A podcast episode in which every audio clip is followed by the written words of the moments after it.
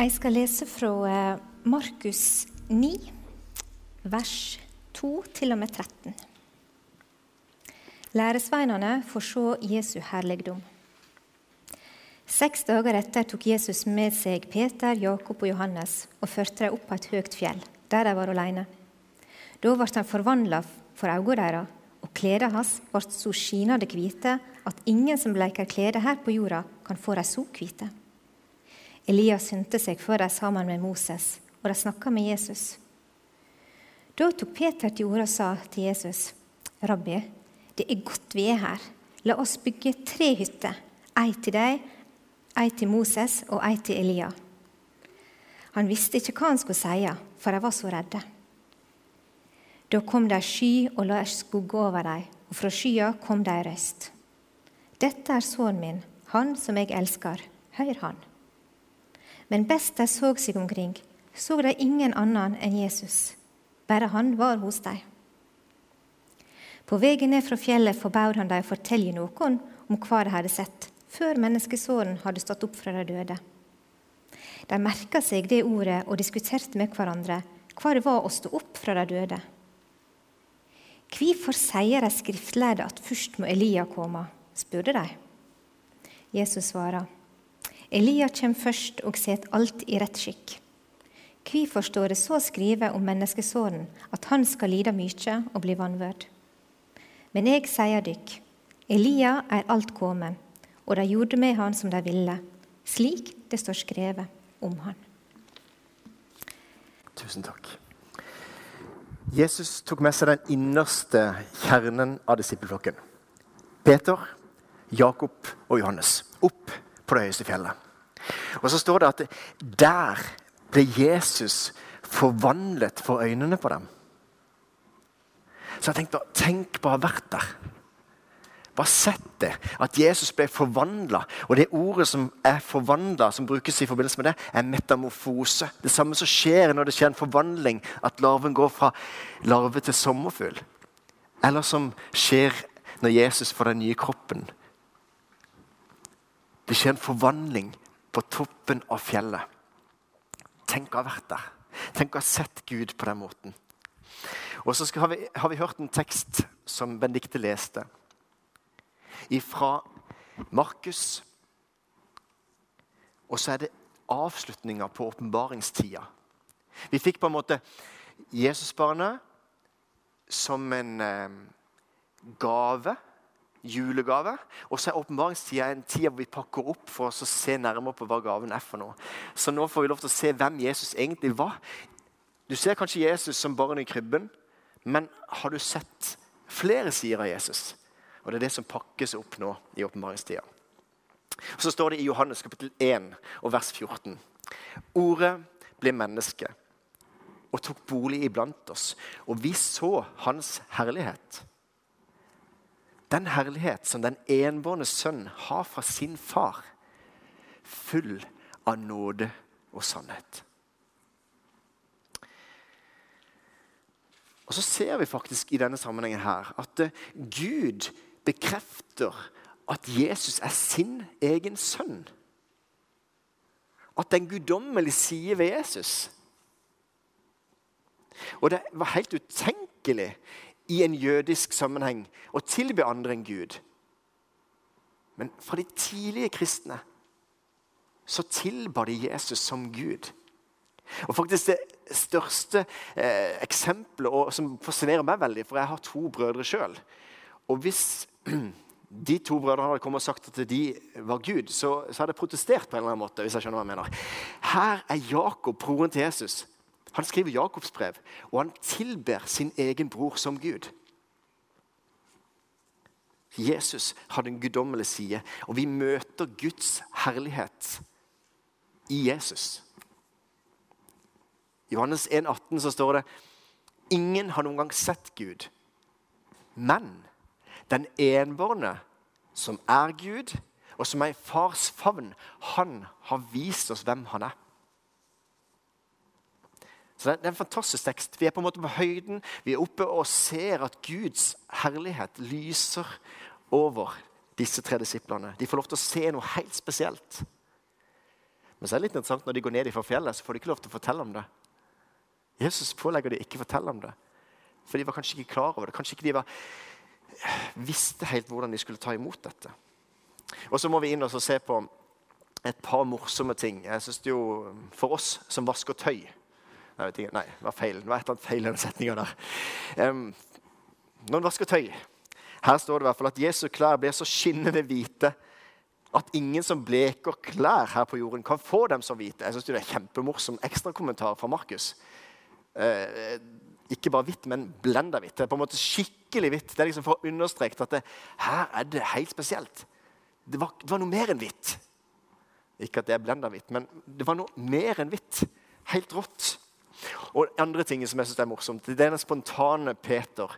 Han som alltid plumper ut i et eller annet og sier noe som han kanskje ikke skulle sagt. eller jeg tipper han slo seg mange ganger til panna og tenkte er det mulig å si noe så dumt. Og det verste av alt det er at Markus tar det på teip. Han skriver dette ned i sitt evangelium, sånn at vi et par tusen år seinere kan liksom smile i skjegget og tenke at er det mulig? For Peter sier nemlig Rabbi, det er godt at vi er her. La oss bygge tre hytter. En til deg, en til Moses og en til Elia. Og Vi hadde sikkert begynt å tolke det og satt inn i en dypere åndelig sammenheng. Hadde det ikke vært for tilføyelsen av Markus. Hør, han visste ikke hva han skulle si, for de ble av stor frykt. Altså, jeg synes Det er fantastisk at det skrives sånn på den måten. der. Um, for du har hatt en surrealistisk opplevelse. Og de kan gjøre at du sier veldig mye rart. Hvem har ikke sagt mye kleint hvis du har vært forelska? Eller hvis du møter en kjendis. Ikke sant? Så du blir starstruck. Du vet jo ikke hva du skal si for noe. ikke sant? Jeg har en påstand. Jeg tror Peter ble starstruck. Her møter han de to o store profetene, Moses, Elia, og så bare altså Det går ball for han. Han har. Og så syns jeg Markus er litt sånn han, han, henger jo litt han henger jo ut litt. Men poenget er bare at kanskje det er litt mer bak den uttalelsen hos Peter enn det som egentlig kommer helt fram. Fordi det kan godt være at han ville være i den spesielle opplevelsen. Den erfaringa, den gudsopplevelsen. Vi vil bli her. Vi bygger hytte her. Eller det kan henge sammen med løvhyttefesten. Hvor det var faktisk sånn at Jødene feira det, at denne ørkenvandringa var over. og De skulle gå inn i det lovede land. Så bygde de hytter av løv, og så var det løvhyttefest. Og så er det kanskje litt av det som trekkes inn. At Peter er så glad for at ørkenvandringa er over. At nå skal vi inn i det løftelandet som vi har venta på. Markus sier, Det står faktisk at Moses og Elia og Jesus snakker sammen. Og Markus setter ikke ord på hva de snakker om. Men i parallellteksten i Lukas så kan vi faktisk se det at de snakket om Jesus sin død, som snart skulle skje. Moses, som representant for loven, han fikk jo loven på Sinai-fjellet. Der åpenbarte Gud seg på Sinai-fjellet. Så Moses representerer loven og så kommer Elia, som representerer profetene og resten av Det gamle testamentet. Og Elia fikk jo på Karmelfjellet, så åpenbarte Gud seg. Og nå er de der begge to og på en måte bekrefter det samme. Når Gud bekrefter at 'dette er min sønn', hør ham. Det er en ny tid. Det er ikke det gamle som var før, men det er ikke noe sånn at det bryter med det gamle. Elia og Moses bekrefter det. For Jesus er ikke kommet for å oppheve loven og profetene. Han er ikke kommet for å oppheve, men for å oppfylle, står det i Matteus 5,17. Så Guds redningsplan har vært der hele veien. Og Moses og Elia har pekt fram mot dette og bekrefter det nå. Og så sier Gud sjøl, ifra en sky, så kommer han og sier det at Dette er min sønn, den elskede. Og Jeg tror mange mennesker lengter etter den bekreftelsen. Lengter etter den bekreftelsen hos sin jordiske far. Men at vi faktisk ikke finner vår identitet før vi finner bekreftelse for at jeg er Guds sønn. Du er Guds datter. Du er Guds sønn. Der ligger identiteten din. Du er Guds elskede datter. Du er Guds elskede sønn. Så kommer de ned fra denne gudsopplevelsen, og de kunne, ikke, altså de kunne aldri glemme det de hadde sett. Så hører vi Peters beskrivelse sjøl av den hendelsen. Når han skriver 2. Peters brev, så forteller han, da trekker han fram denne hendelsen. Hør da, I kapittel 1, vers 16-18. Vi fulgte jo ikke klokt uttenkte myter da vi kunngjorde for dere vår Herre Jesu Kristi kraft og Hans komme. Nei, vi var øyenvitner og så Hans guddommelige storhet. For han fikk ære og herlighet av Gud, sin far, den gang røsten lød over ham fra det høyeste herlighet. Dette er min sønn, den elskede. I ham har jeg min glede. Så står det. Vi hørte selv denne røsten fra himmelen da vi, da vi var sammen med ham på det hellige fjellet. Så det er ikke noe klokt uttenkte myter. De har sett det. De har hørt det. De, de, de er øyenvitner som gjør at når Guds ord er skrevet ned, så er det troverdige ord. For de samme disiplene gikk i døden for det de trodde på. Så Gud blir synlig for meg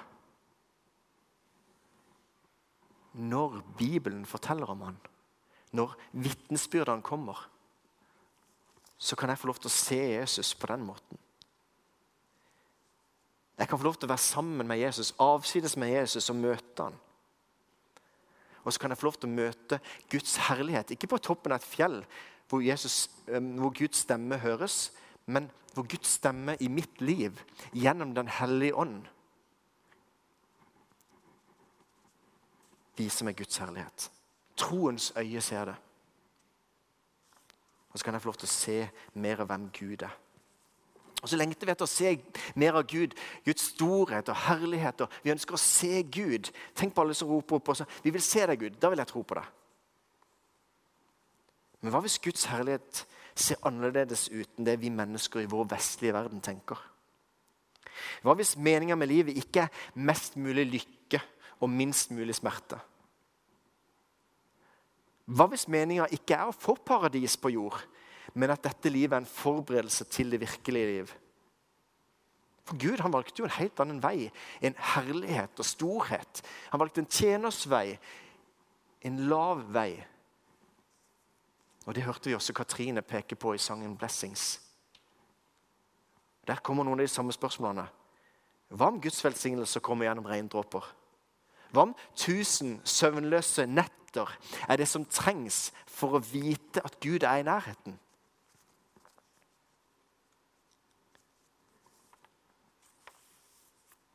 Og En av konklusjonene i Blessings er smerten minner hjertet vårt om at dette ikke er vårt hjem. Kanskje det er det vi skal finne ut av. Kanskje det er derfor ikke det er paradis her på jord. Men at smerten minner om oss at dette ikke er alt. Dette er ikke Det er noe i vente. Jeg ønsker at Guds herlighet skal bli en del av min hverdag. Ikke med at jeg hører Guds stemme fysisk, men at Gud alltid er nær meg. At jeg kan få lov til å plante beina på bakken på morgenen og så rette blikket opp mot Gud. Og så kan jeg få lov til å se at Gud er i meg. Og så kan jeg få lov til å få del i hans herlighet. Og så kan jeg få lov til å se opp til ham og stråle av glede. Og ansiktet skal ikke rødme av skam, som det står i Salme 34. Så kanskje du må få øye. Øye på Guds herlighet midt i det som er annerledes. Få en himmel over livet.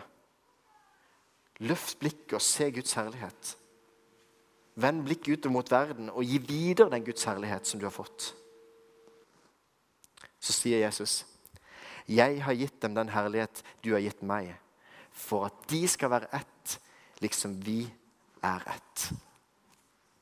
Gjennom oss kan Guds herlighet skinne over verden i dag. Amen.